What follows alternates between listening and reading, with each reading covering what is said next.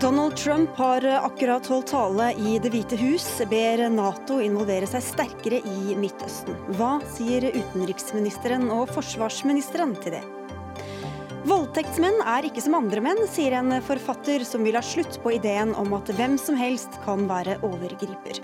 En farlig tankegang, mener en som har gått inn i norske voldtektssaker. En sentral KrF-er er ute av partiet. Emil André Erstad forlater et parti han mener er smalere enn det han meldte seg inn i. Vi er fortsatt de samme, svarer nyutnevnt kommunikasjonssjef. Og er det verre å omtale noen som 'din korrupte kakerlakk' på Facebook enn å si det ansikt til ansikt? Det skal Høyesterett nå avgjøre.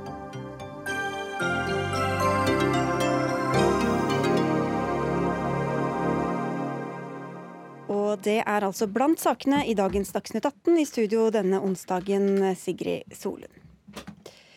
For en halvtime siden gikk eh, USAs president Donald Trump på talerstolen for å kommentere nattens angrep mot to militære baser i Irak. Iranske myndigheter har bekreftet at de sto bak det Irans øverste leder Ayatollah Ali Khamenei kalte et slag i amerikanernes ansikt. Trump svarte bl.a. med å be Nato involvere seg sterkere i Midtøsten, og varslet skjerpede sanksjoner mot Iran. Og Veronica Westrin, NRKs korrespondent i Washington, hva ligger i det budskapet som Trump kom med? Vi kom nettopp ut fra møtet inne i Det hvite hus med Trump her, og det var eh, lettelse eh, som bar preg av reaksjonene reaksjonen etter denne pressekonferansen. Altså det at Trump nå ikke kommer med nye trusler, men kun innfører økonomiske sanksjoner. Og han ber også da Nato om å trappe opp innsatsen i Midtøsten, men, men sier altså at han ønsker fred. Dette blir tolket som positivt, og det er mange som puster lettet ut her nå. Hvordan ble da dette rakettangrepet i natt mottatt eh, i USA og i Washington? Holdninga her akkurat nå er jo at uh, iranerne med vilje unngikk uh, steder hvor de kom til å drepe de amerikanske soldatene. At de visste nøyaktig hvilke områder de peilet seg inn på her. Uh, og dette blir jo også da sett på som meget positivt i den eskalerende situasjonen vi har sett mellom Iran og USA nå de siste dagene. Det at amerikanske liv ikke gikk tapt i dette angrepet, det kan være utslagsgivende for, for fred framover. Er det sånn at man forbereder seg på krig i USA, eller hvor langt er amerikanske myndigheter villige til å gå i den saken? Ja, nå, altså Denne pressekonferansen som vi nettopp kom ut fra, sa jo ingenting om det, heldigvis. Men her har vi jo sett at Trump tidligere har hatt en tendens til å endre mening. Så selv om vi nå kan trekke et lettelsens pust, så vet vi jo at eh, situasjonen mellom Iran og USA eh, har vært eh, tilspisset det siste året. Ehm, men det har jo vært en frykt blant vanlige amerikanere også om at man nå beveger seg seg inn i en ny storkrig. Hashtaggen World War III gikk jo sin seiersgang mm, på nettet eh, etter dette angrepet, eller drapet da, på Soleimani. Takk skal du ha, Veronica Westrin, utenriksminister Ine Eriksen Søreide. Det var lettelse, hørte vi her fra USA. Hvordan tolker du det Donald Trump nettopp sa? Jeg tolker det som et tegn på at ingen av partene egentlig ønsker en full militær konfrontasjon. Og det angrepet som kom fra Iran i natt, eh, som vi i likhet med mange av våre nærstående har fordømt, også fordi vi har norske soldater i denne leiren, det var jo også et eh, slags argument for at man heller ikke fra Irans side nå ønska å trappe konflikten ytterligere opp militært. Det har jo vært vårt budskap til begge parter hele veien, og senest i dag hadde vi Irans ambassade inne i UD for å både gi vår tydelige bekymring eh, knytta til mulig eskalering, og også vår klare tilbakemelding om hvor uakseptabelt vi mener angrepet var. Eh, så er det jo selvfølgelig viktig å legge til, som, eh, som vi også hørte Veronica Westrin si, at det er selvsagt sånn at dagene og ukene framover kan det skje ting som ingen har forutsett nå. Og det har jo vært mye av vår bekymring fra starten av denne voldsomme eskaleringa de siste par ukene. At det er vanskelig for begge parter å drive reell kontroll med eskalering. For det er mye som kan eh, komme fort ut av kontroll med, med, relativt, eh, med relativt hva skal vi si, små begrunnelser i utgangspunktet.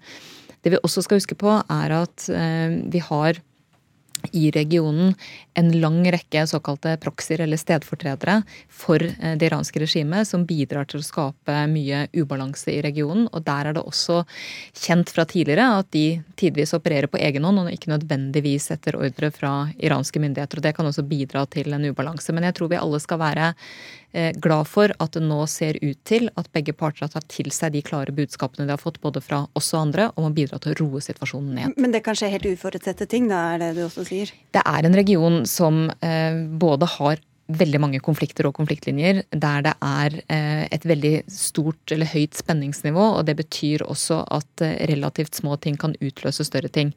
Det ville selvfølgelig blitt mye verre dersom både Iran og USA nå hadde fortsatt å eskalere oppover. Det de nå hadde muligheten til, var jo å klyve ned fra voldsspiralen, og det kan det virke som de begge nå i denne omgang har gjort, og det er bra. Men selv om, selv om det tolkes positivt, så var det jo også ganske krass ordbruk da, mot Iran fra, fra Trump nå, nå, nettopp. Og blant annet så, så, viser han til denne atomavtalen som USA trakk seg ut av, eh, og skylder på den og sier at den har finansiert terror. Hva er din reaksjon på det?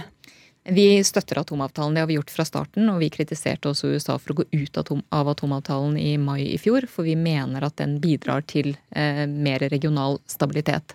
Eh, så tror jeg det er viktig å, å, understreke også at det vi har sett de siste jeg vil si, timene, eller i løpet av dagen i dag, er jo at hva skal vi si, eh, spenningsnivået i retorikken har gått opp, men det virker som de har kjølt ned eh, de militære ambisjonene, og det tenker jeg er et positivt tegn. Og så sier han også da at, eh, at Nato bør involvere seg sterkere i, i Midtøsten. Forsvarsminister Frank Bakke-Jensen, hva er Norges svar på det? Nei, Det vil jo i utgangspunktet bli en uh, diskusjon i Nato-sammenheng. Nå har jo Nato et uh, lite bidrag også i, Irak, men uh, primært så har jo vi deltatt i koalisjonen mot ISIL. Det er det som har vært vårt oppgave, store oppgave i, i, Midtøsten. Og Det er en oppgave som ikke er slutt, og som vi må vurdere om vi skal få fortsette med. Ja, Vi skal diskutere dette litt, litt om en liten stund, men SV-leder Audun Lysbakken, hva, hvordan leser du den talen vi nettopp hørte Donald Trump komme med? Nei, Jeg håper jo at den mest optimistiske tolkningen er riktig, men her er det jo to parter det er ikke noen grunn til å ha noen uh, særlig stor tiltro til. Altså På den ene siden et uh, brutalt iransk prestestyre som uh, undertrykker sin egen befolkning, fører krig i nabolandene, og som jo heller ikke nødvendigvis har kontroll på alle elementer i Iran som kan trappe videre opp militært. Og på den andre siden en amerikansk president som opptrer som en elefant i en glassbutikk i Midtøsten. og det, Dette er jo også det siste kapittelet i en fryktelig lang, tragisk historie som går helt tilbake til den amerikanske invasjonen i Irak i, eh, i 2003, og som har vært en sammenhengende katastrofe. Så jeg tror vi, vi, får håpe at dette er et godt tegn, men det er en fryktelig alvorlig situasjon eh, vi er i fortsatt. Det er jo også litt spørsmål hvor, hvor, Norge skal legge seg. Norsk UD tok klar avstand fra angrepet mot USAs ambassade i Bagdad, men ikke mot den amerikanske likvideringen av denne generalen Soleimani. Hvorfor er det så stor forskjell på disse sakene, Eriksen? Søreide. For det første så er det sånn at vi eh, veldig sjelden, og spesielt i dette tilfellet hvor vi ikke kjenner den egentlige bakgrunnen for, eller det folkerettslige grunnlaget for en aksjon, at ikke vi tar stilling til eh, det folkerettslige grunnlaget for andre lands aksjoner. At vi fordømmer eh, f.eks. For angrepet i natt på en militærbase med norske soldater, det bør ikke komme som overraskende på noen at norske myndigheter gjør. Men også på dette opprinnelige angrepet mot USAs ambassade i Bagdad? Ja, vi, har jo, vi, har jo, generelt vært veldig kritiske til den eskaleringa vi har sett fra begge sider gjennom de siste to til tre ukene. Men den formelle fordømmelsen er annerledes i, i, i, disse to sakene, da, det drapet og, den, og, det angrepet? Ja, og det forklarte jeg nettopp hvorfor det var. Eh, men samtidig så har vi vært veldig klare hele veien, og det har vi formidla både når vi har hatt representanter for den amerikanske og den iranske ambassaden inne i UD med jevne mellomrom de siste ukene, og når vi har vært eh, i dialog med våre nærstående og allierte, og i tillegg når vi har vært i eh, både i Pentagon og State Department i USA og også eh, i Utenriksdepartementet i Teheran. Og formidla akkurat det samme budskapet. Vår klare forventning om deeskalering, og at man ikke kan akseptere det voldsnivået og den opptrappinga vi så. Da skal vi tilbake til disse styrkene. Audun Lysbakken. Det er kommet krav om å trekke de norske styrkene ut av Irak, bl.a. fra Rødt. SV har jo vært imot denne tilstedeværelsen i sør i Irak hele tiden. Hva mener dere bør skje nå, i lys av det som har skjedd de siste dagene og ukene? Vi mener at regjeringen bør hente de norske soldatene hjem. Eh, så eh, er det jo to kan du si, eh, diskusjoner her. Det ene er jo sikkerhetssituasjonen for de norske styrkene. Der stoler jeg fullt ut på at regjeringen og forsvarsledelsen vurderer den situasjonen. Det viktigste er tryggheten til soldatene. Vi er i likhet med alle andre lettet over at ingen norske soldater er skadet. De har vår fulle støtte. Men så er den politiske diskusjonen, for vi er jo uenig i de beslutningene som ligger bak at de er der.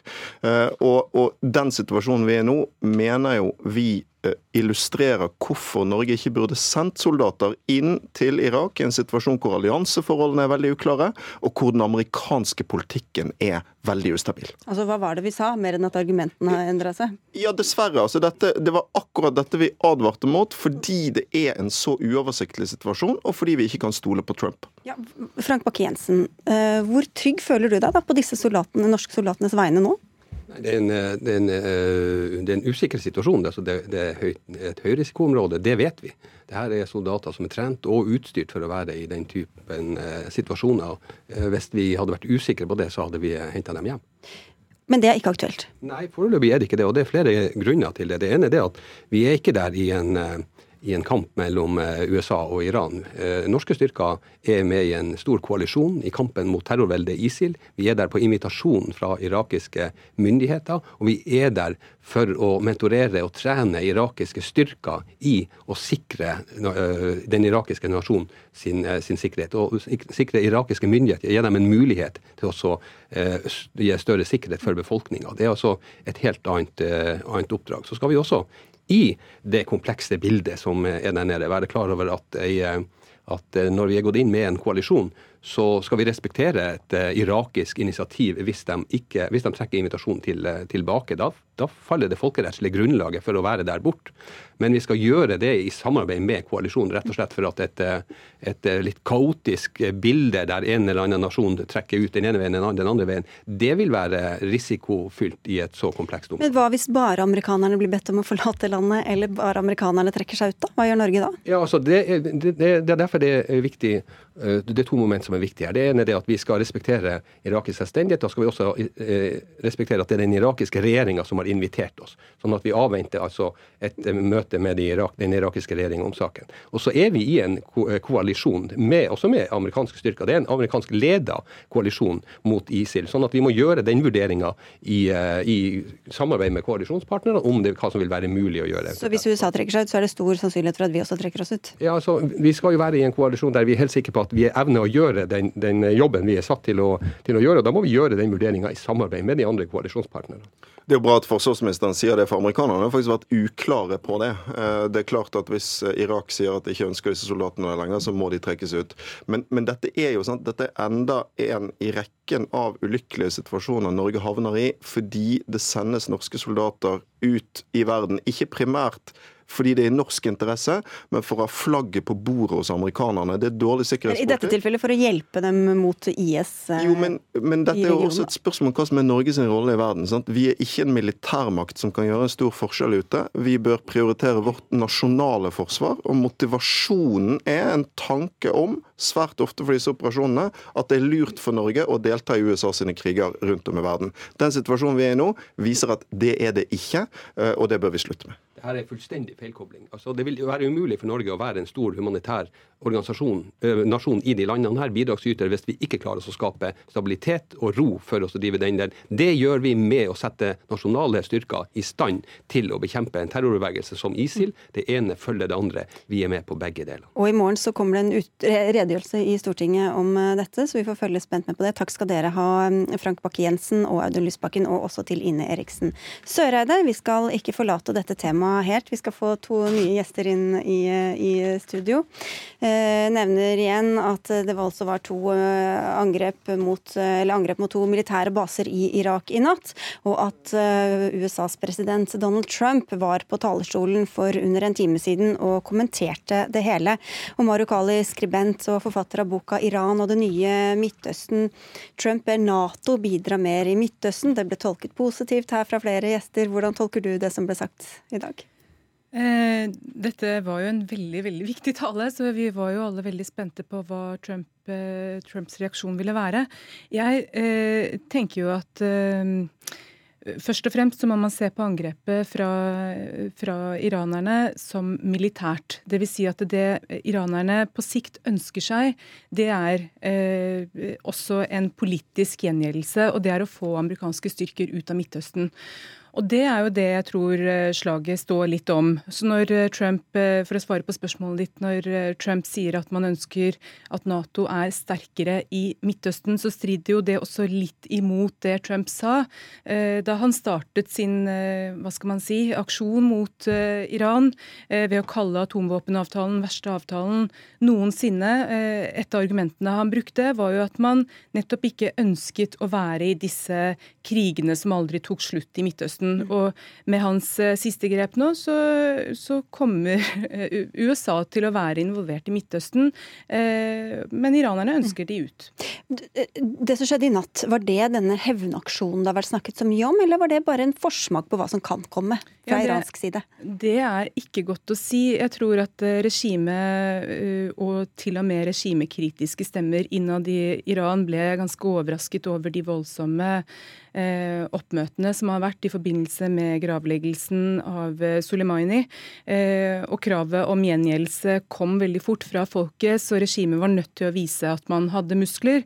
Og så sa jo Iran ganske tidlig allerede på søndag at det ville komme et eh, militært uh, svar. Og jeg tror at det vi så i natt, det var det militære. Men så har Iran også sagt at uh, det blir med det dersom ikke amerikanerne svarer uh, ytterligere. Mm. Vi så jo altså en, en krass i omtalen av Iran, i hvert fall Donald Trump nå for litt siden. Men i VG så skriver du at det ikke alltid har vært sånn hatefullt forhold mellom disse to landene. Hulda Chiang Mørk, du er stipendiat i historie ved Universitetet i Oslo. Hvordan var dette forholdet før det ble så kaldt som det vi ser i dag? Ja, det er helt riktig at USA og Iran ikke alltid har vært eh, bitre fiender. Eh, Iran seilte opp som en viktig alliert for USA eh, i året etter andre verdenskrig. Da var det kald krig, og Iran var veldig strategisk viktig plassert. De hadde en lang grense mot Sovjetunionen, så der foregikk det amerikansk etterretningsarbeid. Og så hadde de kontroll over Hormuz-stredet, hvor den viktige, viktige iranske oljen seilte gjennom og ut til Europa, og etter hvert Israel. Så Sham ble sett på som et eh, viktig forsvarsverk eh, mot kommunismen av USA. Og så, hva skjedde? Tenker du på revolusjonen? Ja, Etter hvert så bygde det seg jo opp eh, en veldig sånn stor opposisjon i Iran. da. Fordi at det regimet var et autokratisk eller et autoritært styre. Det var korrupsjon i regjeringen. Det var ujevn fordeling av den store oljerikdommen. Eh, og de muslimske lederne mente at vestliggjøringen av Iran var fiendtlig mot eh, islam. Og det hemmelige politiet Savak var også veldig liksom, brutalt. Eh, så etter hvert så ble den så stor da, at den var lyktes i å velte shahens regime mm. i 1979. Marukali, du har jo skrevet også om, mye om eh, Iran så, og, og, kjenner landet veldig godt. da. Hvordan eh, har også synet på USA da endra seg disse, disse, gjennom disse tiårene? Hvor mye bærer de med seg det historiske i synet på USA i dag? Jeg tror på mange måter at uh, den uh, mistilliten som iranerne har til, uh, til, amerikanerne, går helt tilbake til 1953. Da var, ble han som var leder på det tidspunktet, Mossadegh, kuppet av amerikanerne og av britene fordi at Iran på det tidspunktet nasjonaliserte oljen sin, som, var, som faktisk på det tidspunktet finansierte all britisk velferd. Um, så jeg tror at hvis man skal se historisk på det, så var det det kuppet. Og da satte de inn sjahen, som du er inne på. Um, så jeg tror nå det vi kommer til å se, er en uh, økt mistillit mellom de to. Og så vil jeg bare legge til i angrepet i natt, fordi at uh, Det som eh, jeg syns er et godt spørsmål å stille i etterkant, eh, som kanskje virker litt overraskende, er hvorfor ikke amerikanernes eh, rakettforsvarssystemer fanget opp rakettangrepene fra Iran. Tilsvarende så så vi jo at det var angrep mot saudiarabiske oljeinstallasjoner for noen måneder siden. Og da feilet jo også rakettforsvarssystemet som var finansiert eller kjøpt opp av amerikanerne til Saudi-Arabia Saudi-Arabia. Eh, de feilet jo også på det tidspunktet å fange opp disse rakettene, og det gjorde de heller ikke i natt. Så jeg tenker at det er, eh, det er et godt spørsmål å stille hvorfor ikke det skjedde. Eh, amerikanerne som på dette tidspunktet burde være virkelig på high alert i regionen. Mm. Det har vel grunn å svare på Kjangmerk, akkurat dette her. Men, men dette som, som Marokali var inne på innledningsvis, da, dette kuppet, eller det som skjedde i, i 1953. Disse vennskapelige båndene som du nettopp beskrev beskrev, var det rett og slett fordi at de da fikk en, en vennlig mann på plass, og så blei det annerledes seinere, eller? Ja, på 50-tallet så var eh, regimet til sjahen veldig ustabilt, eh, og da støttet USA det massivt da, med våpen og penger. Eh, så da var han på deres side. Han mm. ble på en måte kjøpt. Du skriver også i dag i Aftenposten er det vel Marokali, litt om, om, Irans forhold til både til hevn og til martyrer. Hvordan eh, preger det, og kan prege også hvordan dette utvikler seg framover, som er kanskje litt fremmed for, for oss nordmenn? Jeg tror det kommer til å være ganske viktig. Og også den uh, dyrkingen, kan man si, av Soleimani. Altså, han var uh, absolutt uh, en av de viktigste som har vært en hovedarkitekt for iransk utenrikspolitikk de siste tiårene. Men også måten han blir hedret på, dyrket på nå i de siste dagene som vi har sett, er jo en måte å samle folket mot amerikanerne på. så jeg tror at det absolutt er noe som ligger til grunn i det iranske iranske samfunnet, denne sorgen eh, og martyrdommen. og han, På mange måter så ser de jo allerede på han som en eh, martyr. Eh, da jeg reiste i Iran, så var jeg ganske overrasket over å se hvordan eh, krigs, det de mener er krigshelter fra den første Gulfkrigen mellom Iran og Irak i på 80-tallet, hvordan de dominerer gatebildene. Så dette i Iran så dør man aldri i krig, man lever evig i landet. Og da, Nå er det jo veldig spennende både timene og dagene og ukene framover. Mørk. Hvorfor er det også så viktig å ha med seg på en måte historien og den kulturen også som Arukali beskriver, for å skjønne konflikten sånn som den er i dag? Eh, jeg tror at uh, å vite litt om historien f.eks. For kan forklare da en del av det store Amerika-hatet som eh, mange iranere legger for dagen.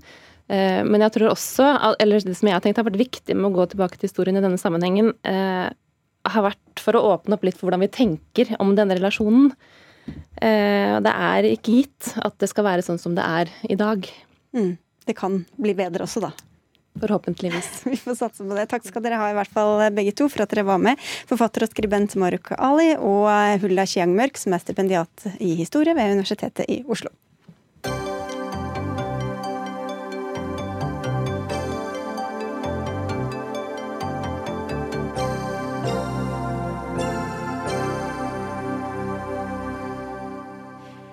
Neste uke er det ett år siden Kristelig Folkeparti gikk inn i den borgerlige regjeringa etter en smertefull intern dragkamp. Regjeringsdeltakelsen har ikke ført til noen fest i meningsmålingene så langt, og partiet har også mistet tillitsvalgte. Den foreløpige sistemannen til å forlate skuta er en av de mest sentrale strategene bak tidligere partileder Knut Arild Hareides veivalg i 2018, bl.a. Eh, Emil André Erstad, du var altså rådgiver for Hareide, og du har vært sentral i mange andre roller også, bl.a var du KrFU-leder tidligere. Dere tapte da dette mye omtalte slaget for ett år og to måneder siden. Hvorfor venta du så lenge med å melde deg ut? Altså, når du har vært med et parti eh, i, i mange år, da, så, så, ligger det jo en kjærlighet til folkene partiet og vennskapene og, og prosjektet da, i, i bunnen. Og det er jo helt rett, det er jo ingen andre parti som KrF i norsk politikk. Eh, og og Det gjorde at jeg tvilte lenge på om det var riktig å melde seg ut, selv om jeg opplevde at grensen var nådd, og at Frp-samarbeid var et, et, spørsmål jeg da eh, egentlig ville satt foten ned på. Du var ikke bare redd for å virke som en dårlig taper hvis du meldte deg ut sånn umiddelbart? Nei, altså Så var det jo mange som ga meg råd om å bli, og, og som kloke, gode folk som, som, sa det til meg, og som har sagt det, men fortsatt. Og, og det, det, er et valg jeg har tatt helt sjøl, uh, som jeg har tenkt på lenge. Men hva er det du da har sittet og sett på av utviklinga i KrF som gjorde at du tenkte nei, nå kan ikke jeg lenger være med her?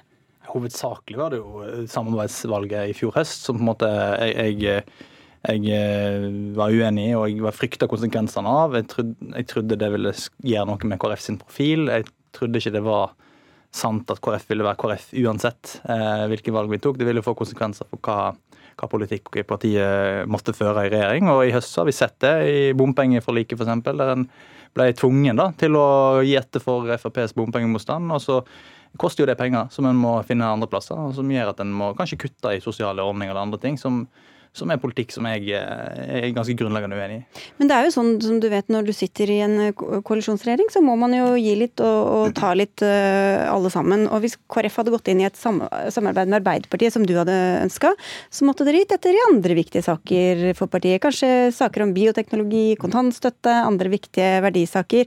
Så hvordan kan du på en måte kreve at partiet skal få så mye gjennomslag i dette uh, samarbeidet som du ikke hadde visst om du hadde fått i et annet samarbeid? Nei, det er vel det at jeg, jeg mener at det, det samarbeidet da gir en profil. Eh, hvilket samarbeid, hva samarbeid partiet har, vil gi to ulike profiler, da, mener jeg. Eh, og, som du òg skisserer. Eh, og og, det å sitte i et samarbeid med Frp, det, det gir en profil som jeg syns er vanskelig i, i lengden. Vi, vi, har sett det i spørsmål om barna i syriske leirer. Vi har sett det i spørsmål om uh, Stålsett uh, visste. Eh, og, og i spørsmålet da, som kanskje overrasker meg litt i øst, var i, i spørsmålet om homoterapi og liksom, eh, motstand mot å utrede den, eh, de skadelige konsekvensene av det, eh, som da ble flagga veldig høyt. Noen kommer, noen går. Du både går og kommer, Elisabeth Løland, for du slutter som rådgiver for um, din partileder og barne- og familieminister Ropstad, og går inn i stillinga som kommunikasjonssjef for KrF. og får jo begynne med å gratulere deg, da. Jo, takk for det. Takk for det. Du hadde også vervet som KrFU-leder før Erstad. Hvordan ser du på det å miste ham fra partiet? Jeg syns det er veldig trist, og det er jo litt spesielt å sitte akkurat her med, med Emil. Vi har en lang tid sammen i partiet. Vi har kjempa viktige kamper skulder ved skulder gjennom mange år. Um, så det er litt ekstra spesielt at det er akkurat det. Jeg tror jeg kan si at jeg lærte Emil alle mine tips og triks før han tok over etter meg som partileder. Men samtidig så har jo eh, Emil vært tydelig på det over lang tid. At, um, og forklart at noe av på en måte grunnen til at han kunne være medlem i KrF lenge, var at han ønska å håpe at KrF på et punkt skulle bli noe annet. Og da han ikke måtte, så, så, det eller vant igjennom med det, så, så, må jeg også ha respekt for, for, at det er hans valg, og at eh, det oppleves rett for han. Så er det trist. Så, så, sånn som jeg leser så, så, mener du at KrF har vært stabilt, men at Erstad hadde ønsket seg et annet KrF enn det han egentlig er uh, flasket opp i, da, eller? Det, det, jeg viser til, at både i boka og i det innlegget som han skrev i går, så, så, setter han jo ord på selv at han over tid på en måte har forsvart KrF-medlemskapet med å si men KrF skal snart bli noe annet. Og at den endringen som han ønska, ikke, ikke kom. Og da, vil, For meg er det veldig trist, og det er litt eh, personlig trist å se akkurat den utmeldingen. Men samtidig så er det viktig også å sette den respekten må vi ha for hverandre. At vi melder oss inn og ut av eh, partier. Ja, altså Det å sitte i debattstudio her mot eh, hun som har lært meg alt om debatt, er jo en, en, en rar ting. Og jeg har veldig stor respekt for de som, som, kanskje deler mitt syn i KrF. Og jeg og Elisabeth har delt Eh, politisk syn i veldig mange saker i, i mange år. Vi var tett allierte i sentralstyret og andre plasser. Så eh, jeg har òg respekt for at mange som deler mitt syn eh, i mange saker, da fortsetter i mm. partiet. Men for min del var det da Men hun sier at KRF, kjernen i KrF er den samme. Er du enig i det, eller har KrF tatt Eh, en annen vei eh, de siste året? I alle partier er det jo kamper, spenninger til enhver tid. Og i KrF har det vært spenninger eh, i lang tid mellom ulike fløyer, ulike retninger. og og det tror jeg jo hele Norge fikk med seg i fjor høst, eller forfjor høst, nå som det har blitt. At, at det, var, det, var, ulike interesser som ute og gikk. Og, og, etter det som skjedde i, i i landsmøtet 2.11.2018, så, så opplever jeg at, eh, at, partiet da har på en måte bestemt seg for en, en, en retning som en skal gå i, i en stund. Og jeg, jeg, har stor respekt for Men Du sier at det er blitt smalere. Hva, ligger, hva ligger i det?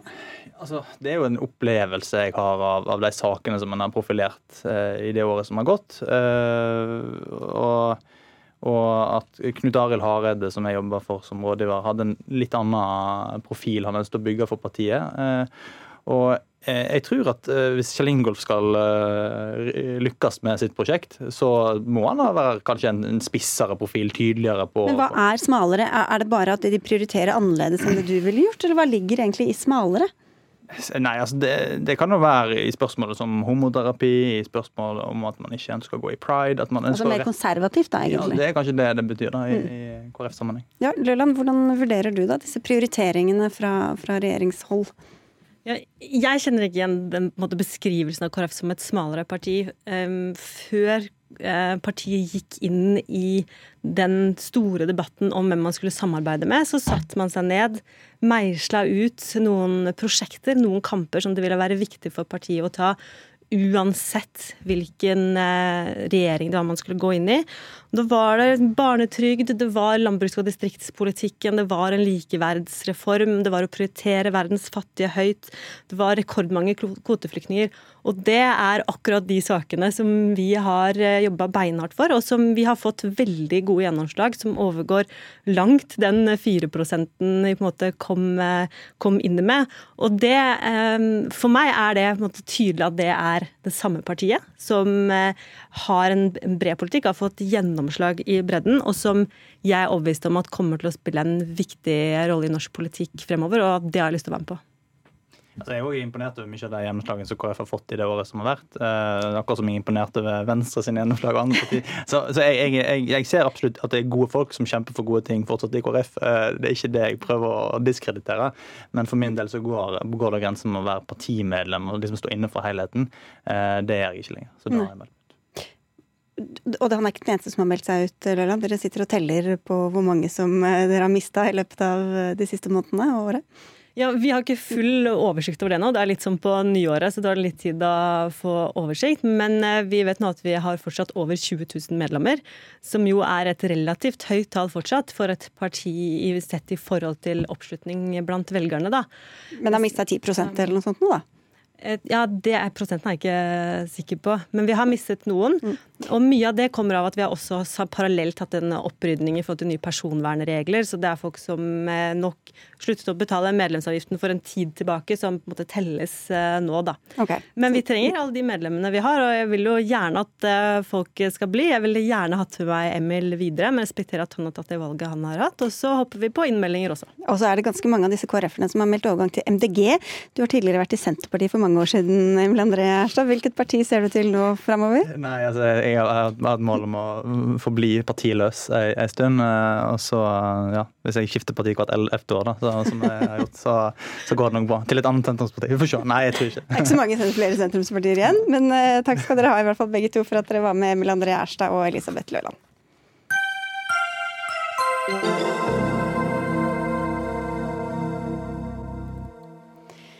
I morgen starter eh, kontrollhøringa som skal gi svar på hva som gikk galt og hvem som har skylda for Norges største trygdeskandale, hvor minst 85 personer ble uriktig dømt.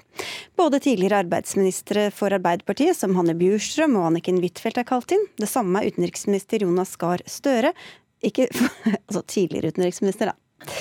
Likevel, Heidi Nørby Lunde fra Høyre, sier du til TV 2 at det virker som om opposisjonen, som altså har flertall i kontrollkomiteen, forsøker å beskytte sine egne tidligere statsråder. Hvorfor mener du det? Vel, Det er vel egentlig to ting som jeg uttaler til TV 2. Det ene er at jeg syns det er litt problematisk at man har avgrenset hele høringen til eh, årstallet 2012. Når vi ser, i hvert fall i etterkant av eh, statsrådens redegjørelse i Stortinget, at eh, dette antagelig strekker seg langt lenger tilbake i tid. Og strekker seg over to forskjellige regjeringer og flere statsråder. Det er den ene siden av saken. Og den andre siden av saken er jo at en av de ordningene som vi nå ser kommer opp, 90% av alle sakene som nå skal ombehandles, dreier seg om arbeidsavklaringspenger. Og den statsråden som var ansvarlig for innføringen av arbeidsavklaringspenger i 2010, var Dag Terje Andersen, som i dag er leder for kontrollkomiteen. La meg bare presisere at i henhold til Stortingets regler så er verken komitéleder eller saksordfører inhabile i denne saken. Men det blir litt rart at både den som var ansvarlig statsråd for innføring av denne ordningen, der Nav ba om en presisering i henhold til EØS-regelverket, som vi nå står midt oppe i, og ikke fikk det, i dag leder, eller i morgen kommer til å lede høringene. Men, men mener du da at han burde, at han burde ha sagt det fra seg? At han er inhabil, eller hva er det du egentlig mener at skulle ha skjedd? Så lenge komiteen, og da er det jo komitéleder og saksordfører som, eh, som, legger premissene for hvordan denne saken skal behandles, så lenge komiteen har valgt å, med opposisjonens flertall å avgrense til 2012, så er han jo overhodet ikke inhabil. fordi at da dreier det seg jo ikke om da han var statsråd. Men jeg mener at for oss eh, hvor det er viktig å komme til bunns i saken, se på hva som faktisk har sett, eh, skjedd, hva som kunne vært gjort annerledes, for at vi ikke skal oppleve dette igjen, så ønsket jeg at vi skulle gå lenger tilbake i tid og granske hele omfanget av saken. Ok, Så disse tingene henger sammen, da, stortingsrepresentant Eva Kristin Hansen fra Arbeiderpartiet. Du sitter i kontrollkomiteen, og du er saksordfører for denne høringa. Hvorfor har dere begrensa det sånn, og også utelatt å kalle inn Dag Terje Andersen? Det som vi har gjort i komiteen, var at etter redegjørelsen til Anniken Hauglie, hvor hun redegjorde i all hovedsak fra 2012 eh, Det hun sa, var at eh, det kan være naturlig å gå lenger tilbake i tid, og hun sa det at eh, man har satt ned et granskningsutvalg. Når komiteen hadde møte etter den redegjørelsen, så diskuterte vi nettopp det med tidsaspektet. Så ble vi enige, og det var ikke noe sånn her flertallsregime. Da var vi enige i hele komiteen om at vi starter fra 2012 og går fremover fra da. Og så tok Dag, Dag Terje Andersen sjøl opp eh, om folk syntes det var problematisk han hadde, at han hadde vært eh, arbeidsminister tidligere, og det bekrefta en enstemmig komité at de ikke syntes var problematisk.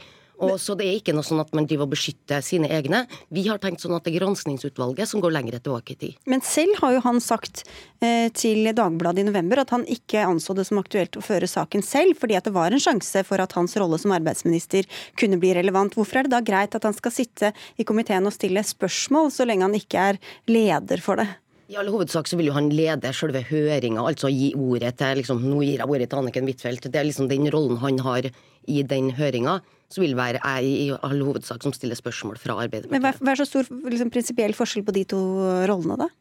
Det er en ganske stor forskjell når han mener at det er naturlig at jeg eh, er saksordfører, så er det et valg vi tar. Eh, men at han er inhabil som leder av komiteen, det er han faktisk ikke. Men hvis vi skulle ha gått lenger tilbake i tid, da kunne jeg ikke han ha vært med. Det er helt åpenbart. Og Da er det nettopp den avgrensningen som eh, både komiteen har gjort, og som selvfølgelig saksordfører og komitéleder også legger premisser for hvordan denne saken eh, føres eh, videre. Og Så viser det seg jo også når vi ser på da spørsmålsstillingene fra opposisjonen, og da ikke bare Arbeiderpartiet, men også de andre, så ser det ut til at man tar utgangspunkt i hva som har skjedd de to siste årene, istedenfor å prøve å komme til bunns i denne saken. Og slik jeg oppfatter både statsråden, som sier at vi er villige til å snu på hver eneste sten for å se hva har gått galt, når, sånn at vi aldri skal oppleve dette igjen. Og ikke minst klare å korrigere og fange opp alle de som eventuelt er eh, omfattet av denne saken.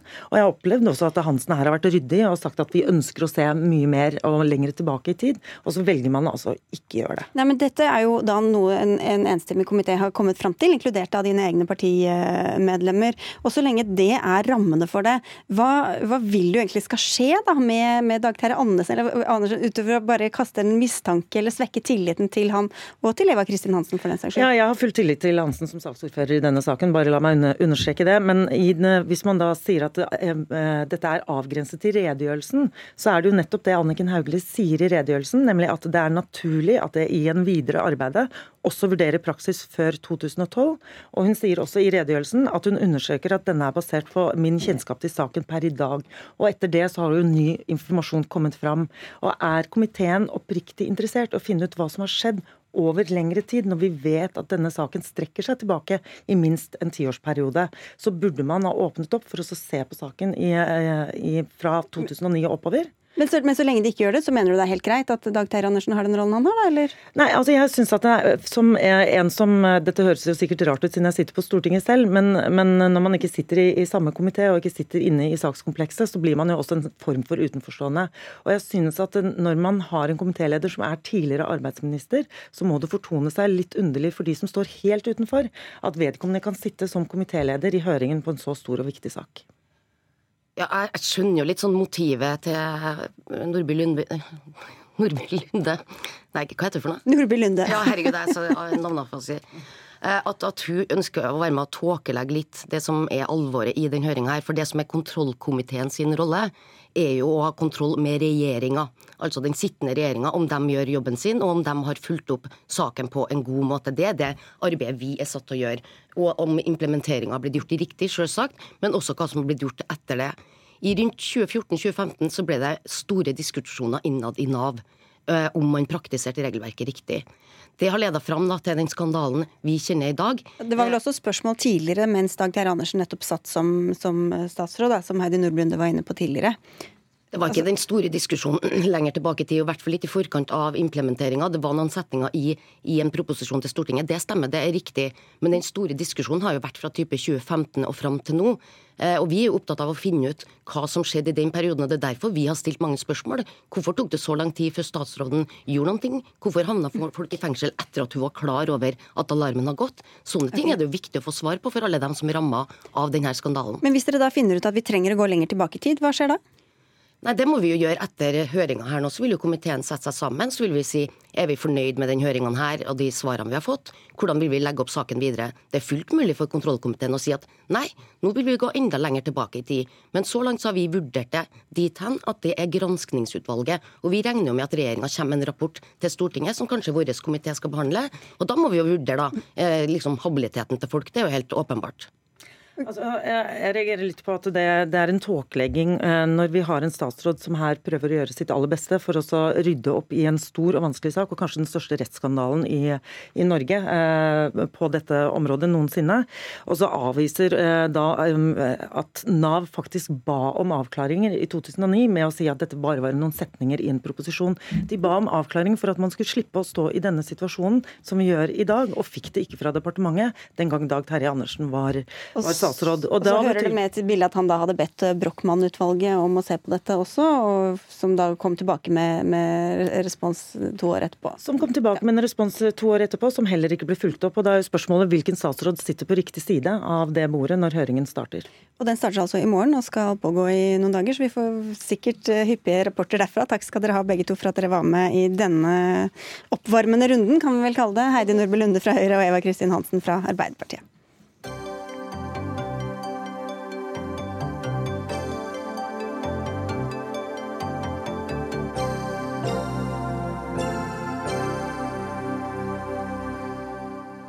Kan nær sagt hvem som helst bli voldtektsmann, eller er det bare noen få menn som kan voldta? Ifølge tall fra Nasjonalt kunnskapssenter om vold og traumatisk stress opplever omtrent én av ti kvinner å bli voldtatt i løpet av livet. Men det betyr ikke nødvendigvis at én av ti menn er voldtektsmenn. Forfatter Øystein Stene, du har gitt ut en bok om mannsrollen etter metoo, 'Mitt liv som mann', og du vil at denne voldtektsdebatten i større grad skal handle om den gruppen menn som faktisk voldtar, heller enn brede kampanjer rettet mot menn generelt. Men hvordan kan du være så sikker på at voldtektsmenn skiller seg så fundamentalt fra folk flest? Eller menn flest, da? Fundamentalt vet ikke jeg om eh, jeg vil påstå, men vi kan finne en del ting. Eh, det kommer litt an på hva slags, eh, forskning, hva slags vi, hva slags forskningsrapporter vi går ned i. Men i den rapporten 'Menn som har begått voldtekt', en kunnskapsstatus fra 2013, så fremgår det f.eks. at av registrerte overgrepsmenn, altså ikke nødvendigvis dømte, men også anmeldte, så er f.eks. halvparten av dem ikke i jobb. 75% av dem har begått kriminelle handlinger tidligere. En tredjedel har vært utsatt for vold og overgrep eh, registrert av politiet tidligere. Um, vi har også en politirapport eh, fra 2012 som også en undersøkelse siterer fra, hvor det står ut fra politidistriktets data over anmeldte gjerningspersoner i 2010 gis det ikke eh, støtte til påstanden om at voldtektsmenn ikke skiller seg fra andre. Så vi har ganske stort materiale som viser at det finnes en del indikatorer, predikatorer som gjør at er, nå... Eh, eh, menn som er overgripere, har noen fellestrekk. Du, Vi skal prøve å fikse lyden din litt, for den var ganske dårlig. Kanskje vi skal ringe deg opp, men vi oh, setter det over til teknikken. Og så får vi høre okay. deg mens Heidi Lene Sveen, du har fulgt en rekke rettssaker, eh, norske rettssaker om, om, voldtekter, og skrevet boka 'Det var ikke voldtekt' om disse prosessene. Og du er ikke helt enig i det bildet som Stene tegner her. Hva er det du ikke er enig i? Eh, nei, jeg, jeg, reagerer litt på ordbruken hans, selvfølgelig. Det han viser til av eh, fakta fra rapporten, det stemmer jo. Eh, men dette er jo da et lite utvalg menn som er registrert. Vi vet ingenting om de som aldri når eh, rettssystemet, eller som aldri blir anmeldt. Eh, de fleste voldtekter blir aldri anmeldt.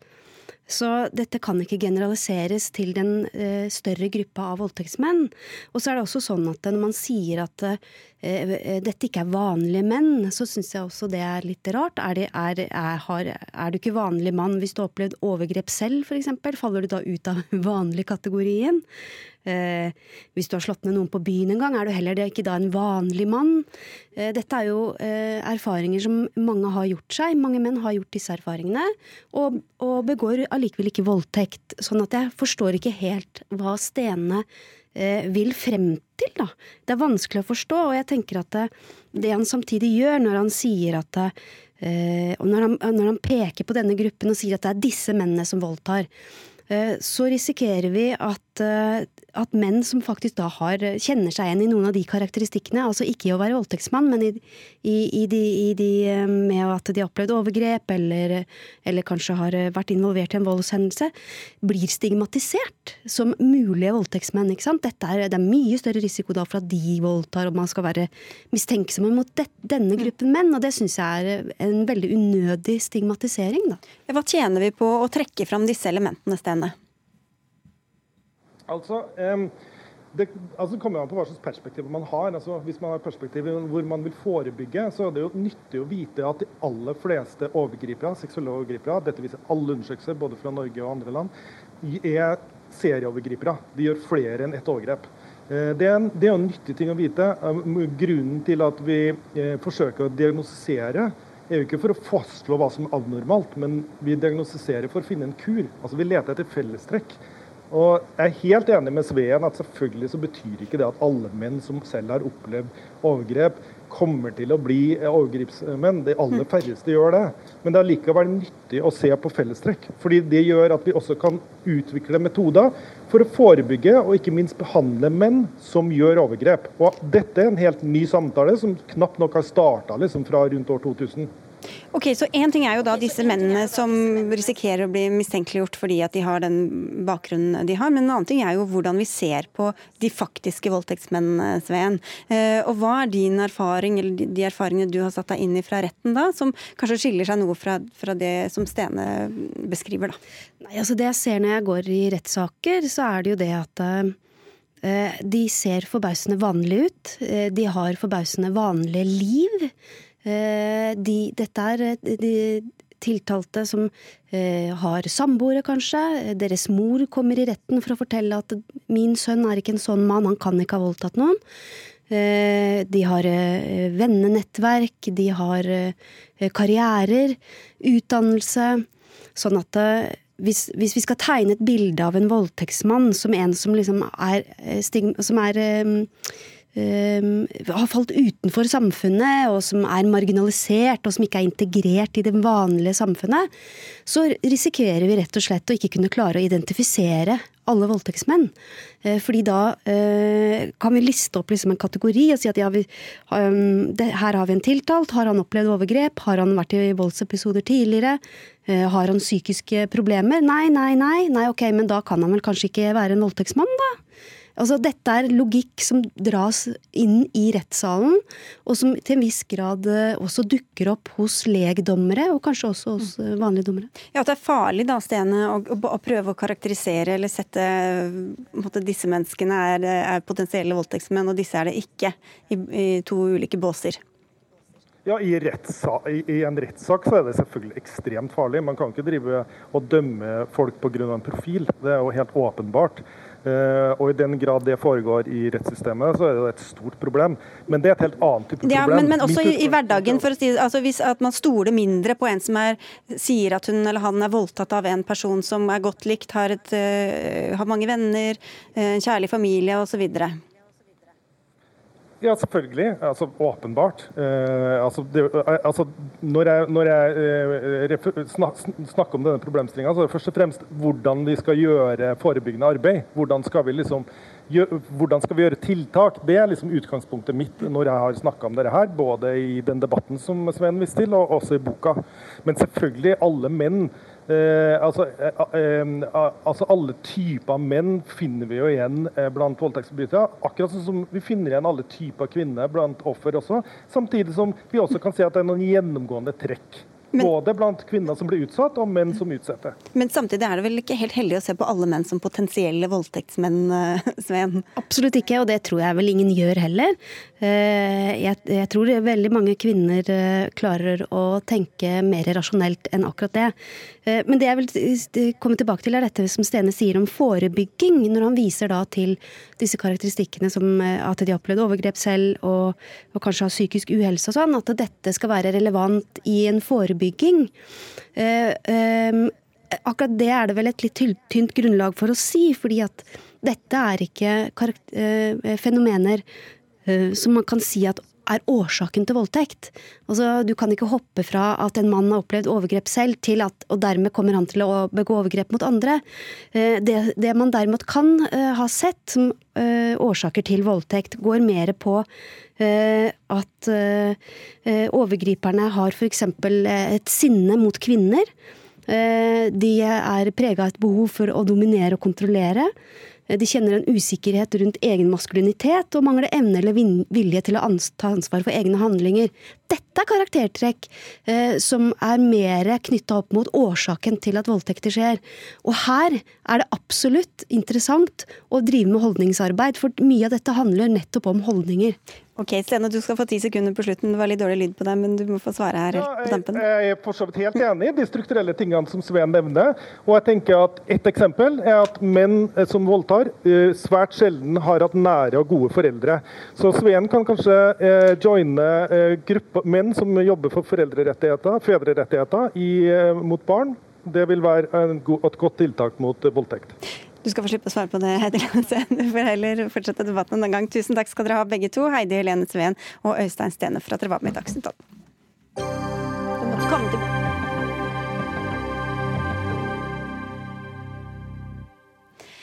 Terskelen for å slenge med leppa er lavere på Facebook enn mange andre steder, men er det dermed sagt at det bør være lov å si saker der som ikke er greit eh, ellers? I to saker eh, behandler nå Høyesterett eh, hvor grensene for ytringsfriheten skal gå på nettet. Anine Kierulf, du er spesialrådgiver ved Norges institusjon for menneskerettigheter og følger disse sakene tett. og Hva er det disse spesifikke sakene handler om? Ja, det er spørsmål om brudd på det som heter straffelovens paragraf 185, som regulerer hatefulle ytringer, altså ytringer eh, fremsatt mot en, en, eh, nærmere opplistet gruppe med minoriteter, som er egnet til å spre hat eller ringeakt mot dem. Eh, og dette er da Facebook-kommentarer i begge sakene. I Den ene er det uttalt fandens svarte avkom og korrupte kakerlakk. Og i den andre er det to av de ytringene som er påanket. Eh, en som omhandler steppebavianer, og en som omhandler rotter. Og dette er da eh, ytringer som er fremsatt eh, overfor en av disse minoritetsgruppene som er opplistet i den paragrafen. Nå er det i utgangspunktet slik at ytringsfriheten gjelder på samme måte her hos oss, på et torg og på internett. Eh, og ytringsfrihetens grenser gjelder også på de samme stedene. Men det er første gang Høyesterett behandler akkurat denne paragrafen og hatytringer eh, på internett. Ja, er det noe sånn spesielt ved enten det er Facebook eller andre sosiale medier og konteksten der som gjør at man liksom trenger en egen vurdering av, av de ytringene som fremsettes der? Det man kan tenke seg, det er jo to forskjeller, kanskje. Det ene er hvor mye tenker man seg om før man fremsetter ytring på internett. Det er jo en type eh, forum hvor man egentlig skriftliggjør det man ellers lirer av seg muntlig.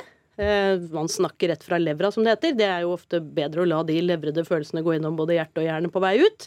Ehm, og, og, ehm, så det er ett moment. Eh, og det andre momentet er jo det du sier på en pub, eller eh, i en avis kanskje, eller et annet sted, det har en begrenset spredning, mens det som sies på internett, det kan potensielt spres veldig vidt.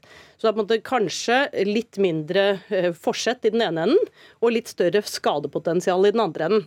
I utgangspunktet er det ikke sikkert at dette gjør en forskjell. Det kan virke inn på hvordan ytringen skal tolkes. Altså hva mente de egentlig, de som sa dette her? Eh, men det blir jo interessant å se hvordan Høyesterett formulerer seg mer prinsipielt om akkurat det spørsmålet, og ikke minst straffespørsmålet, som det har vært eh, tvil om, og hvor utmålingen i de to sakene er ganske ulik. Hmm. Oda Rygg, du er vikarierende debattansvarlig i eh, Dagbladet, og du ser jo dette sosiale medier, ytringsfrihetsspørsmålet litt annerledes fra en annen vinkel enn den juridiske som Kjerulf gjør. Hvordan forholder du deg til disse problemstillingene i din jobb? Jo, nei, altså Jeg er jo mest fordi jeg tidligere var ansvarlig for uh, kommentarfeltene i Dagbladet. Um, og vi hadde jo Jussen var jo ikke det vi forholdt oss til. Vi forholdt oss til presseetiske normer. Uh, at uh, våre kommentarfelt var redigerte medier. så det folk skrev der, ble tatt på alvor som om de mente det. Og her kan man jo kanskje argumentere for at det var, er noe som folk vil synes var rart. Fordi noen ganger når folk sier noe på internett, så mener de ikke det de sier. Eller rett og slett, de mener det de sier, men de mener ikke det som en ordentlig politisk ytring der de mener policy-implikasjonene. Så et av de eksemplene her var noe sånt som sveis de inne i en konteiner og kaste ut. Uh, var det noe, noe sånt? Dypeste hav, ja. På det dypeste hav. Uh, som i et redigert medium så ville vi tolket det som oppfordring til det jeg vil kalle forbrytelse mot menneskeheten og etnisk rensning. Det fikk ikke stå, fordi vi tok det alvorlig, det de sa, som om det ble ment. Er det noe man burde gjøre på alle offentlige plattformer? Fra alle? Det er en diskusjon jeg ikke mm. Der har jeg ikke landet på et, på et svar. I kommentarfeltene som Dagbladet er ansvarlig for, som, som, eller i, i det tilfellet, så var det selvfølgelig skulle man tolke det som en del av det redigerte mediet. Mm. Det som er interessant her, er jo at dette er redigerte medier. Eh, situasjonen på internett og i sosiale medier ellers er jo at eh, alle er sin egen redaktør. Disse redaksjonelle vurderingene kan i grensetilfeller være ganske vanskelig å foreta.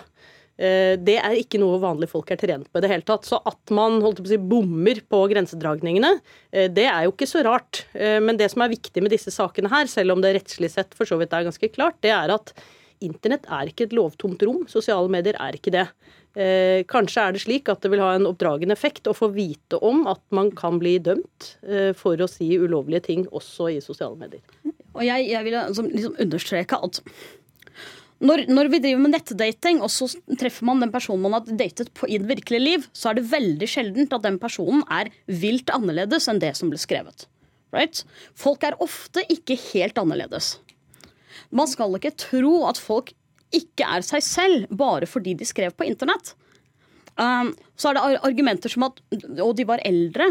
Altså, Internett har eksistert så lenge nå og er så allestedsnærværende at du ikke kan si at hvis du er 65, så er internett helt nytt for deg. Ja, for En av de tiltalte er 71 år, men du mener at nå har det vi levd med min, så lenge at nå er det Min svigermor er den alderen og har Apple TV og altså, det, er, ja. det, er sikkert veldig store forskjeller her, men jeg tenker en, en god tommelfingerregel er jo eh, hvordan vil du uttrykke deg hvis du så den personen du snakket om eller til, i øynene? Eh, den siviliserende effekten av å se et annet ansikt, eh, det, det, den er jo borte på internett. sånn at eh, der må man på en måte gå en runde med seg selv og tenke at dette er ikke bare løse uh, muntlige ytringer som jeg slenger ut av meg. Dette blir stående, og det blir spredt, og, og, det kan ses av mange, og det kan også tas ut av kontekst og forstås faktisk på en helt annen måte enn jeg mente det. Hvordan har folk reagert da når de er blitt fjerna fra kommentarfeltene? Uh, vi, det, nå, nå, begynner det Vi stengte jo ned kommentarfeltene mm. fordi Facebook vokste oss over hodet, så man måtte se fjerne Sende uh, ressursene til et annet sted. Uh, nei, altså Folk som ble kastet ut, noen var sure på oss. Uh, og så hadde vi et, et, par tilfeller hvor folk kom og sa 'unnskyld, jeg var full'. som jo også Å være full er ingen unnskyldning, det er en forklaring. Men å, si, å, å komme og si unnskyld mener jeg, mente jeg på den tiden, og mener fremdeles, at kvalifiserer som bot og bedring. Men Kan Høyesterett skal de ta stilling til om på en måte folk burde vært vant og skjønt internett nå på dette tidspunktet, Kjærulf? Nei, det er nok ikke det de skal ta stilling til. Og jeg tror heller ikke det er prosedert på at eh, internett på en måte unnskyld, unnskylder noen av det, disse ytringene. Eh, man kan være uenig om hvor grensedragningen skal trekkes i de konkrete tilfellene, og det vil bli vurdert eh, i disse sakene. Det er jo en grensedragning mot legitim samfunnskritikk, typisk religionskritikk, som er maktkritikk, som er veldig viktig. Som er noe annet enn det å kritisere tilhengerne av den religionen. Og der kritiserer det... islam, men ikke muslimene? Er det ja, sånn? og der er det et av disse utsagnene i i lagmannsrettsdommen, er man jo da frifunnet for, fordi det regnes som religionskritikk. Den grensedragningen kan være vanskelig å trekke i noen tilfeller, men ofte er det slik at når du retter ytringen din direkte mot en person eller representanter for en gruppe, dehumaniserer dem, tillegger dem egenskaper som ikke er menneskelige, om de da er bavianer eller rotter eller andre ting, så vil du fort være over den grensen for det straffbare. Og når eh, kommer det noen dom, tror du? Det vet jeg ikke. Det kan vel ta et, et par uker, kanskje. Vi, ja, vi har ikke mer tid. Takk skal dere ha, begge to. Anine Kierulf og Oda Rygg, for Dagsnytt 18 er over for i dag. Odd Nytrøen hadde ansvaret for innholdet, Finn Lie det tekniske. Jeg heter Sigrid Solund, og vi ses og høres igjen i morgen.